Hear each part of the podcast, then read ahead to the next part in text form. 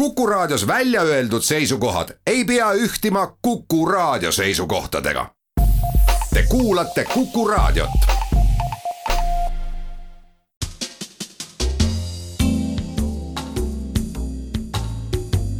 tarkade klubi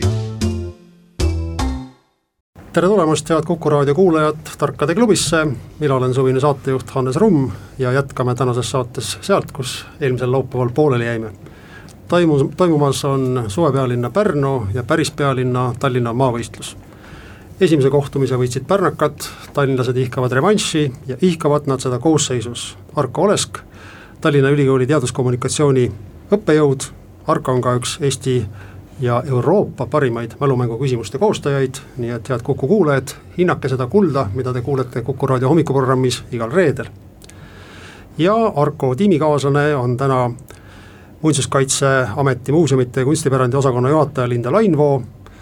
Linda ütles enne saadet, et tema südames on praegu Viljandi raekoja kell, tornikell, mida, mis võeti just muinsuskaitse alla ja mis tiksub põhimõtteliselt, mis käib nagu kellavärk samal kujul, nagu ta loodi juba tuhande üheksasaja kolmekümne teisest aastast alates.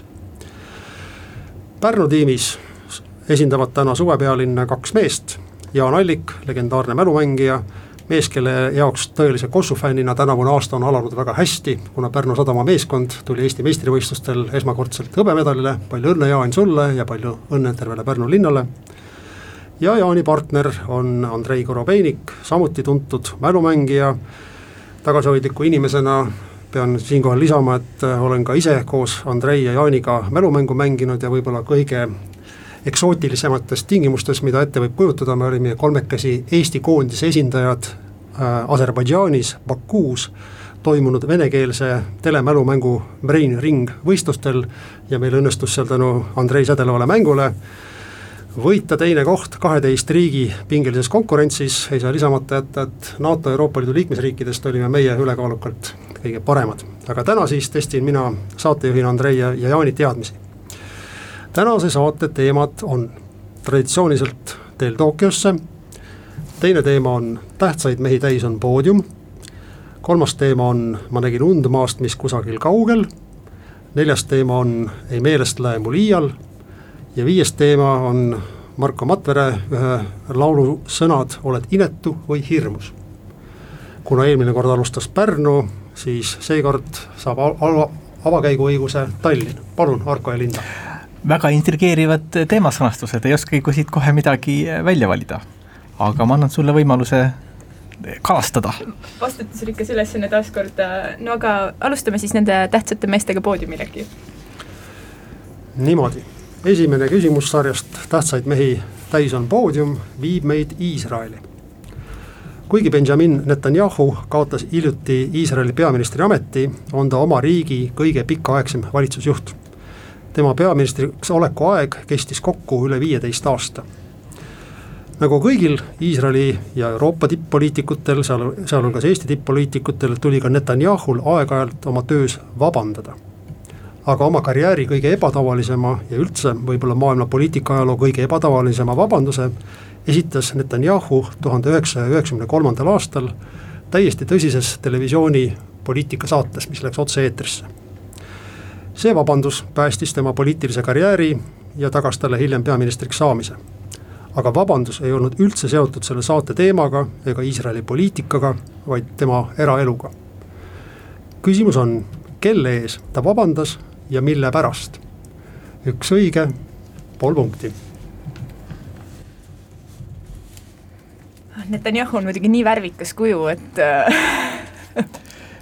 jaa, temast võib kõike oodata, et, et tal ka eraelu ilmselt oli üsna, üsna mitmekesine.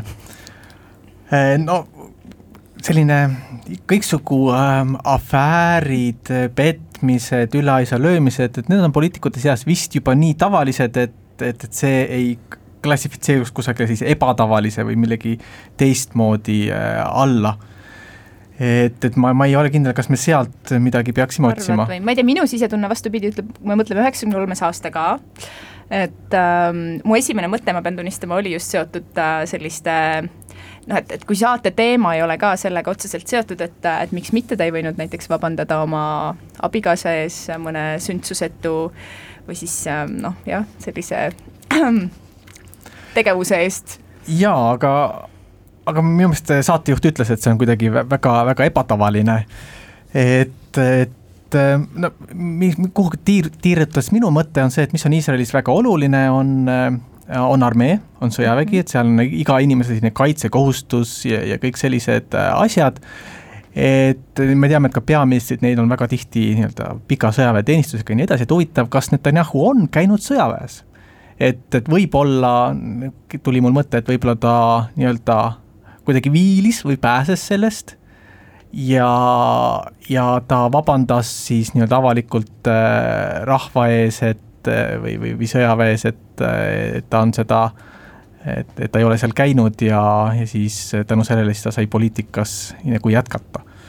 No oota, Netanyahu, lihtsalt mõtleme, et kui vana ta on, et mis, mis umbes tema selle võib-olla nagu sellise sõjaväelise teenimise aja, aega võisid jääda, et ta on vist kusagil mingi seitsmekümne ümber vanuses või isegi natuke vanem ehk siis kusagil viiekümnendate alguses sündinud. jaa, viie-kuuekümnendad ilmselt ja noh, eks Iisraelil selliseid sõdu on no, ilmselt on olnud palju, äh, palju ja muidugi, eks seal on muidugi vist ka kohustuslik sõjaväeteenistus.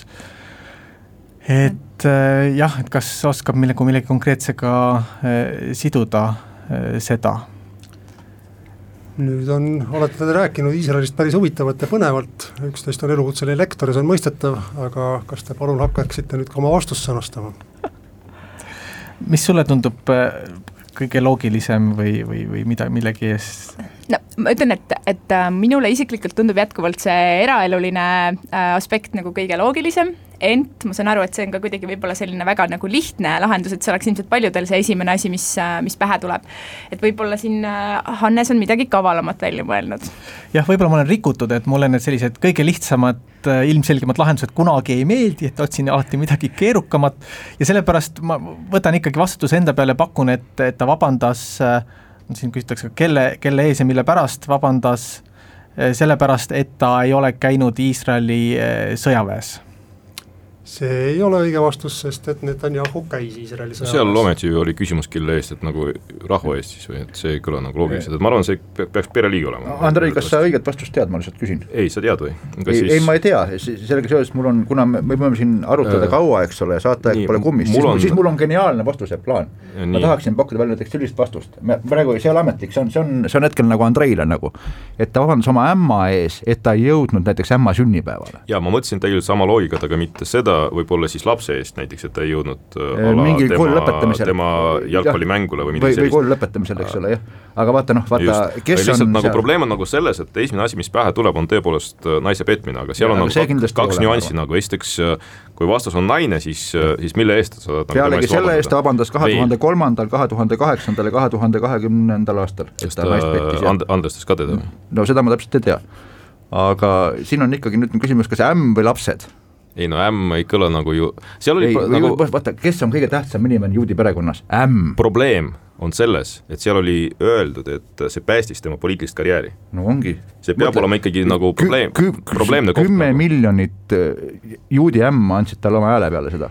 no praegu on elu selline, nagu oleks südaöösel Pärnu ööklubi ukse taga, mida Pärnu mehed vastusena siis välja pakuvad? kas mingi vihje tuleb või? ei, rohkem mingit vihjeid ei tule. mis mõttes rohkem, kas tuli, tuli mingi vihje ka vahepeal või?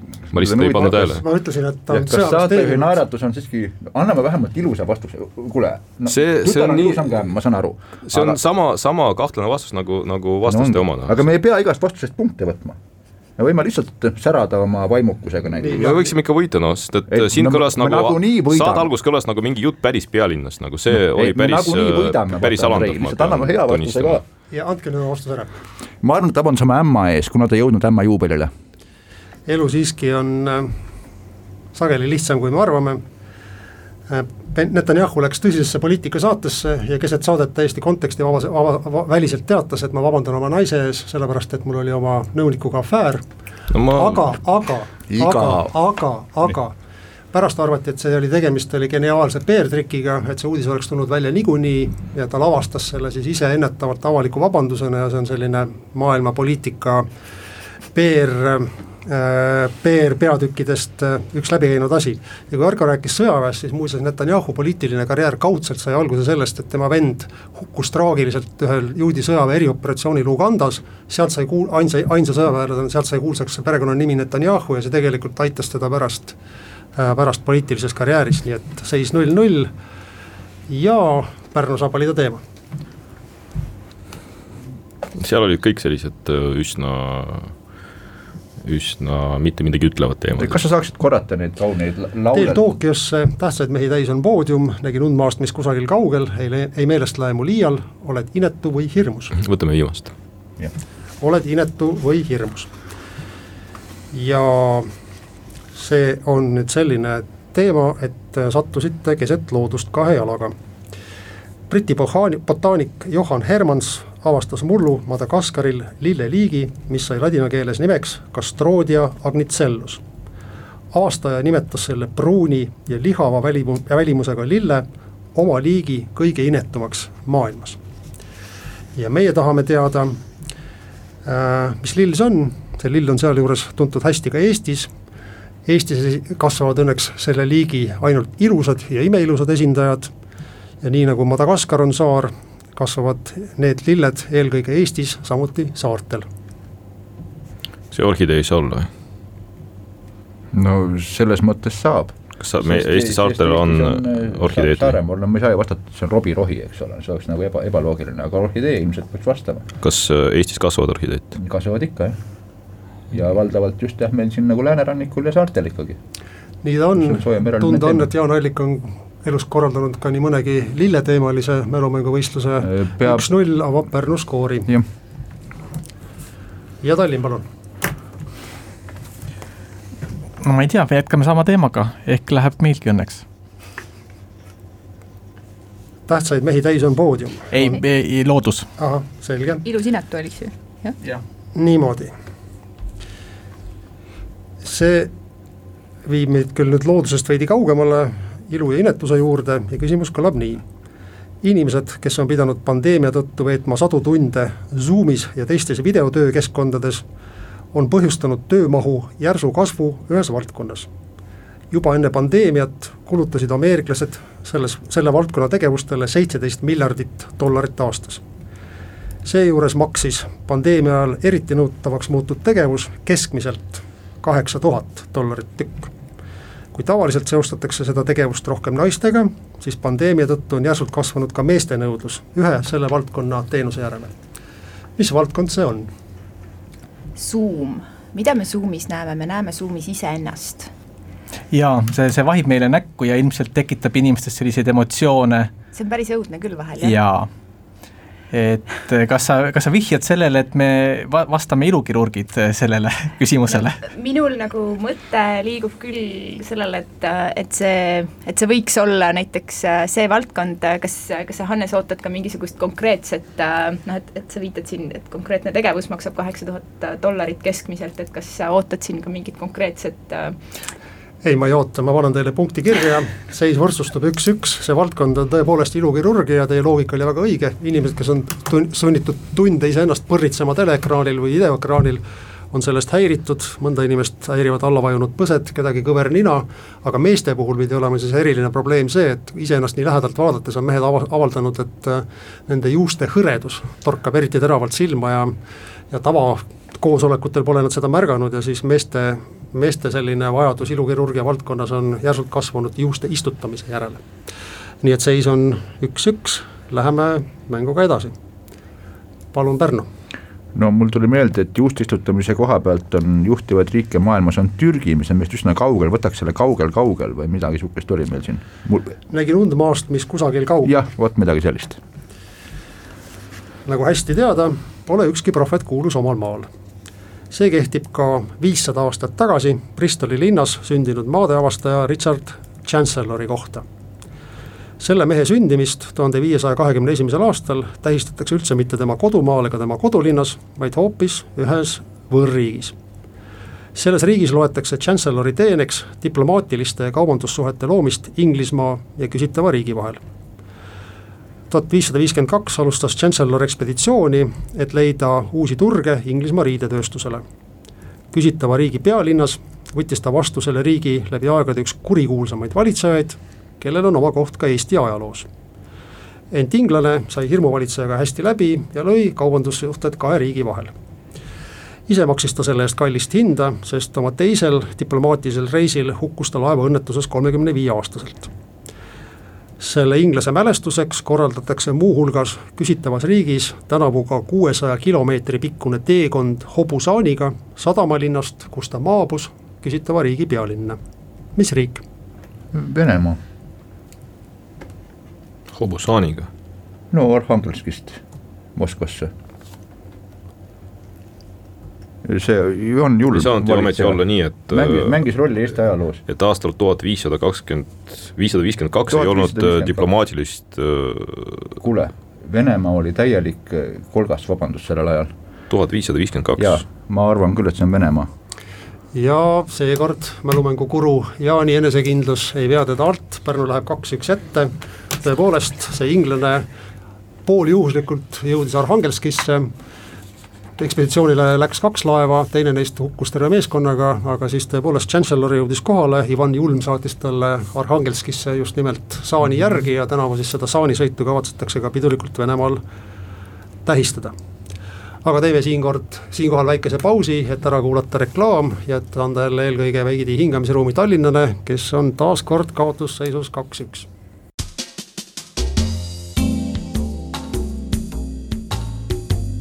tarkade klubi. tere tulemast tagasi Kuku raadiosse, tere tulemast tagasi Tarkade klubisse, teid tervitavad täna siin saatejuht Hannes Rumm ning Pärnu Pärnu mälumängurid Jaan Allik ja Andrei Korobeinik ja Tallinna koondis koosseisus Arko Olesk ja Linda Lainvoo. mänguseis on kaks-üks Pärnu kasuks ja valiku teeb järgmise teema osas Tallinn. et proovime siis Ei meelest läämu liial. see on väga hea valik ja küsimus kõlab nii. küsime midagi, mida on üle värvitud üheksateist korda, keskmiselt iga seitsme aasta tagant. seejuures on küsitava välimus muutunud, algselt oli see Veneetsia punane, siis ookerkollane, siis kollakas pruun, siis pruunikas punane. tänapäeval on ta värvitud omanimelise patenteeritud värviga, värvi nimetusel ongi siis värvi, värv, see värvitüüp kannabki siis küsitava nime iga kord kulub küsitava ülevõõpamiseks umbes kuuskümmend tonni värvi, mis see on? no see peab olema midagi väga suurt, eks ole jaa, mõni suur ehitis ja kui nüüd nagu natuke rehkendada eh, seda nii-öelda neid kordi ja, ja vahemikke, et, et siis ikka jõuame kusagile sinna kahekümnenda sajandi esimestesse kümnenditesse, eks kusagil seal kahe-kolmekümnendad, et, et midagi siis see on, kuigi see seitse aastat on ka ju keskmine, et äh, jah, et seal võis nagu neid vahemikke olla rohkem, aga jah, nüüd peab mõtlema, mis on selline suur, umbes sellest ajast pärit ja midagi sellist punakat või, või, või kollakat äh, tooni. ja see võiks olla ikkagi noh, seitsme aasta tagant on mõtet üle värvida, mina kujutaks ette, et mingit metallkonstruktsioonist oleks mõistlik nagu nii sageli üle värvida, et, et muud tüüpi hooneid äh, ja, ja ilmselt ta on nagu avatud äh, keskkonnamõjudele, ilmastikule, et mis siis nagu teda, teda kulutavad mm. -hmm. et, et, et mis siis nagu noh, tuuled ja nii edasi, eks ole, siis suurtest teraskonstruktsioonidest, no Eiffeli torn on varasem ja ta mm -hmm. ei mhm. ole ka selline nii-öelda, nii-öelda punakas, ei tule ette. siis äh, järgmine, mis, äh, mis mulle pähe tuleb, väga kuulus rajatis on San Franciscos Kuldvärava sild ja, ja minu teada selline imeline värvitoon võiks või peaks täitsa olemas olema nii et, et, et see on, ma ütleksin, kindel kandidaat. ja minul ausalt öeldes järgmine mõte oli ka, et kuna Eiffeli torn on liiga vana, siis, siis see Golden Gate Bridge äkki võiks olla, kuna ta on alati olnud sellistes või noh, nii palju kui, kui fotodelt, et niisugune punakas, mingid ookrid natuke. see oli hea pakkumine, aga mitte õige. mis mõttes Eiffeli torn on liiga vana? Minu arust nagu, ka ei ole siin oli üldse et mida, mida te siis nagu mõttes no, mul oli ka kolm asja tegelikult. no mis sul kolmas oli? mil-, noh, selles mõttes sõltub, mis, mis sul kaks on, et no, esiteks ja, ei, ja siis on Liberty see vabaduse mon, nagu monument, aga vaatame värve, vaatame värve. kuule see, see Liberty on kogu aeg rohekas olnud ju ma ei tea, ma pole nii vana nagu sina, nii et ma arvan, see on ju aga seda ikkagi see, värvitakse, vaata see seisab seal saarel, eks ole, seal on tuul, merevesi. pigem Eiffel. Äh, üheksateist korda seitse, mis mõttes Eiffeli torn on liiga vana nagu ometi, et see on ju sada kakskümmend aastat vana. Äh, ei, aga see on, tuleb see, pigem, ta, ta on liiga noor. siin olid igasugused muud asjad, vaata sõda vahepeal, mitu sõda vahepeal, keegi hakanud aga keskmiselt, äh, keskmiselt nagu siis peabki olema sada, mis iganes, kolmkümmend kolm aastat ju. no umbes nii, circa noh. minu arust Eiffeli torn sobib väga hästi, sest kui Golden Gate oli vale, mis oli ka minu favoriit. Eiffeli torn. jah, Eiffeli torn. ja teil on jällegi kord õigus, kolm-üks läheb Pärnu juhtima, see küsimus oli Eiffeli torn ja see värv, mida ma küsisin, on Eiffeli torni pruun aga Eiffelit värvitakse viimased kolmkümmend aastat niimoodi, et äh, torn on jagatud kolmeks, alumine osa on kõige tumedam, ülemine kõige heledam, kuigi värvitakse siis jah, Eiffeli torni pruuniga. ja palun Pärnu, teie valik. võtaks veel mingi laheda teema, mis, meil on siin puudutamata teemasid on meil veel või? Teil Tokyosse on puudutamata. ei, selle ta on lõpuks, kaks kindlat punkti on lõpus. võtame siis mingi selle võtame siis, ei, vaata, et seda ei meelest lähe ei saa võtta, me oleme mälumängur, et seda ei saa võtta, võtame selle, sellesama kauge maa. nägin undmaast, mis kusagil kaugel. jah.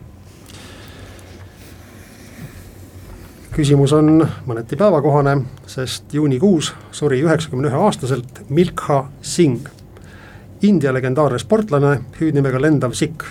ta oli mitmekordne Aasia meister olümpiamängudel oli tema parimaks kohaks neljas koht neljasaja meetri jooksus tuhande üheksasaja kuuekümnendal aastal. aga erinevatel põhjustel, sealhulgas ka poliitilistel põhjustel, oli ta siis oma kaasmaalaste jaoks sama suur staar nagu Eestis kümnevõistleja Heino Lipp, kes olümpiamängudele ei jõudnudki. kui moslemiusuline Pakistan eraldus tuhande üheksasaja neljakümne seitsmendal aastal Indiast, siis selle verise sündmuse käigus tapeti nii Milkha isa-ema kui ka seitse sugulast. ja küsimus on selline, millised olid sureva isa viimased sõnad oma pojale. Need sõnad päästsid esialgu poja elu, aga hiljem osutusid tema edasist elu arvestades ka prohvetlikuks. meie jaoks on need sõnad tuntud äh, Singi elust on tehtud ka üks Bollywoodi film, mille pealkirjaks on tema sureva isa sõnad, aga meie jaoks on samad sõnad tuntud ühest väga menukast Hollywoodi filmist, mis valmis aastal tuhat üheksasada üheksakümmend neli. millised need sõnad siis olid? Tuhande üheksasaja üheksakümne neljanda aasta filme umbes sellest perioodist, kus on siis äh, tsitaate lausa. või pealkiri lausa. Argo teab, mina, mina siis nagu lendav sikk. kujuta ette, no sportlane selles mõttes. aa, aa ja äkki see ranna äh,, mis see vene keeles ka rääkida vabalt. see on see Forest Gump, eks ole, Run Forest Run et elu on nagu šokolaadiga. ootame Arko, Arko näoga nagu ta külmkapp tuleb jälle meelde, et ta ikka jätab selle ukse lahti, tundub. rannas, mis iganes, mink, rann. see on õige vastus, olukord oli siis selline, et kui see poiss äh, kui moslemid tungisid tema kodukülla ja mõrvasid tema sugulasi, siis viimased sõnad isale oli jookse, Milka, jookse poiss jooksis algul elu eest, pärast jooksis eduka karjääri ja tõepoolest Forest Gumpist on tuntud sõnad run, Forest, run. neli-üks Pärnu kasuks, palun Tallinn. ma ei tea, mis me siit järgmisena võtame ma ei tea, minul ei ole mingit probleemi sellest äh, mitte meelest minemise ja meelest minemisega, nii et äh, no vaatame, kas meil on midagi meeles täna ka või mitte. ei, meelest läheb mul iial. ja see viib meid esialgu kuritegelikku, aga hiljem ka muinsusmaailma. kümme aastat tagasi, kahe tuhande üheteistkümnenda aasta augustis toimus kahes riigis peaaegu samal ajal kaks kuritegu, mille ohvriks langes üks ja sama isik. seda isikut me tahamegi teada. esimene kuritegu toimus Kaliningradi oblastis Tšernjahovski rajoonis, kus lõhuti vasaraga nelja meetri kõrgune malmist mälestusmärk mälestusmärk oli püstitatud sada üheksakümmend aastat tagasi sealsamas surnud endisele sõjaministrile.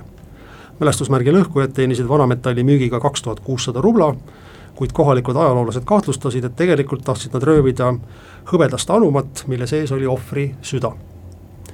mõni päev hiljem lõhuti Valgamaal neliteist allee valgustik, valgustit ning kõrvalhoonete aknaid. ka Valgamaal langes vandaalide omaks ohvriks sama isik kelle ülejäänud surnukeha säilitatakse balsameerituna Valgamaal. kes oli ohver?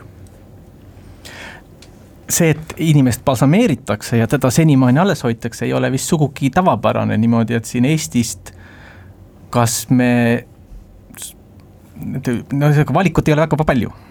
ei ole ja mul ka nagu kohe tärkavad need muumia äh, mõtted, ausalt öeldes just äh, hiljuti sai sellega natuke tegeleda, ma ei ole muidugi kindel, kas see on see isik, keda silmas peetakse, aga noh, me jõuame sinna äh, klassitsismi perioodi. just, me, me peame noh, ilmselt äh, nagu vihjetest, et kuna ta oli endine sõjaminister, äh, siis nagu baltisakslane äh,, teeni-, teeninud äh, Vene ar armees või tsaari armees täitsa kõrgel kohal ja, ja sündinud, elanud Valgamaal või maetud sinna, et äh, ega seal peale selle mehe, kelle ausammas on ka Tartus ühes, ühes pargis, ei olegi väga kedagi võtta.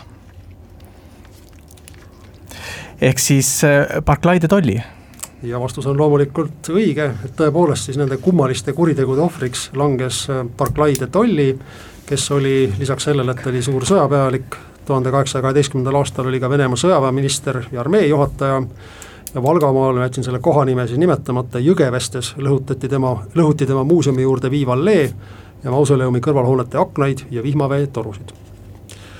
Eestis jäid kuritegijad, kurjategijad tabamata seis võrdsustub neli-kaks Pärnu kasuks ja teeme siinkohal ära tänase saate viimase reklaamipausi.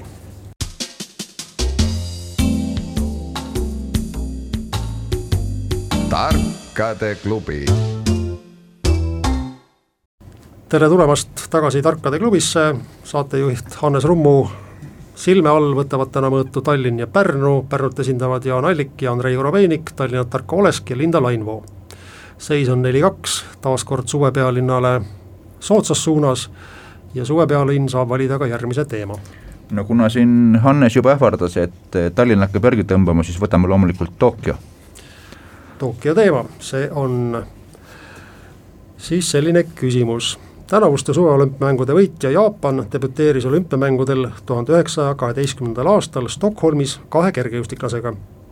medalile jaapanlased debüütmängudel ei jõudnud küll aga kaheksa aastat hiljem Antwerpenis, kui tõusva päikeseatleedid võitsid kaks hõbemedalit. millisel spordialal? olümpiamängude kavas oli küsitav spordiala juba esimestel tuhande kaheksasaja üheksakümne kuuenda aasta mängudel Ateenas.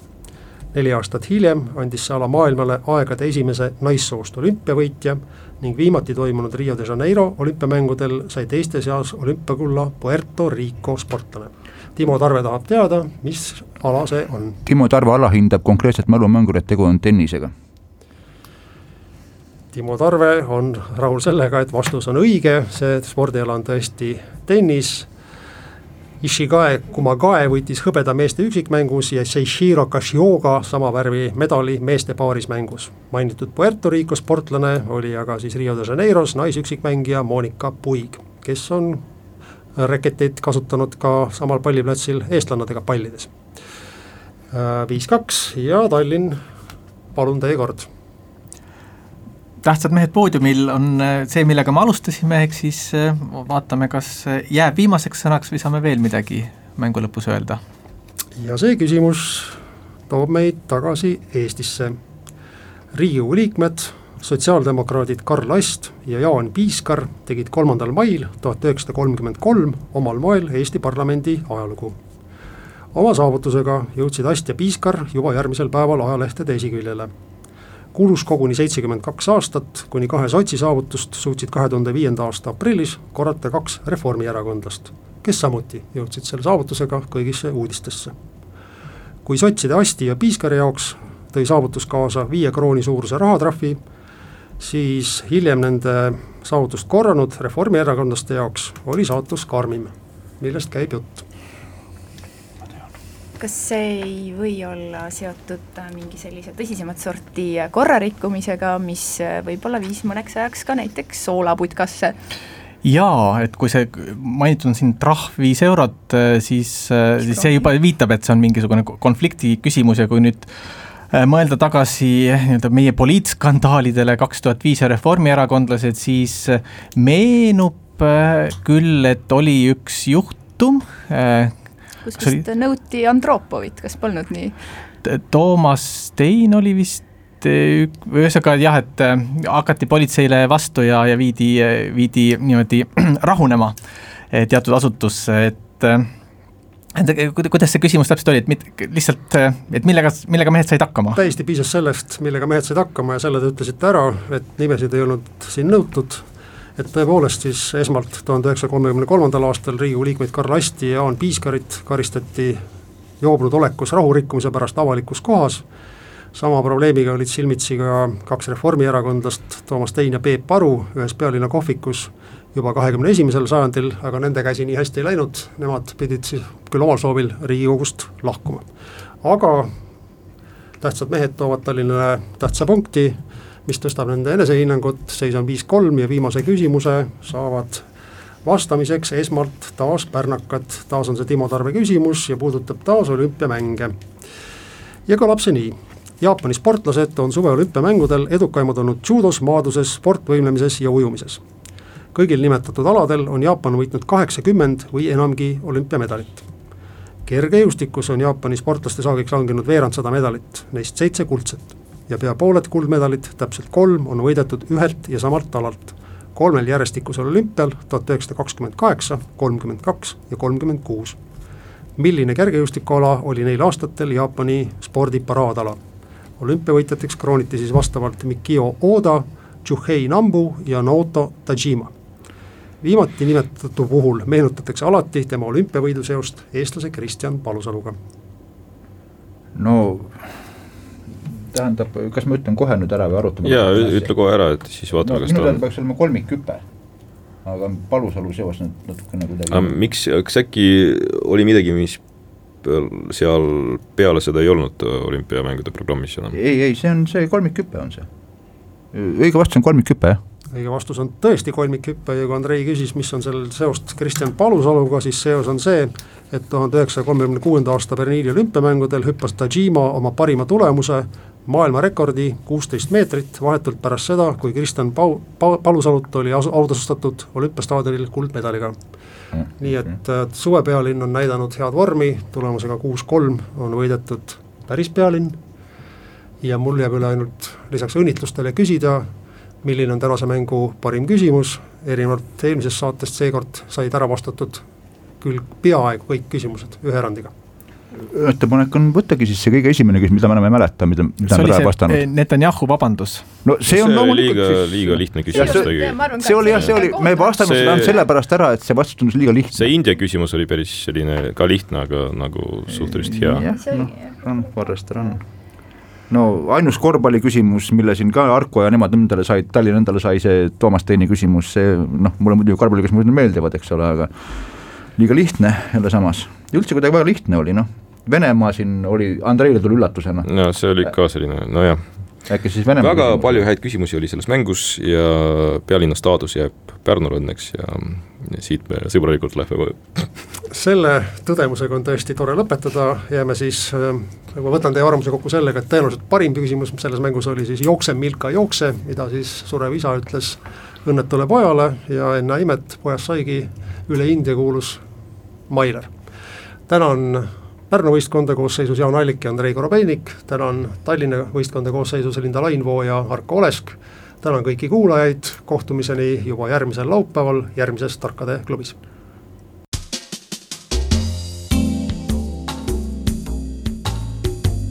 tarkade klubi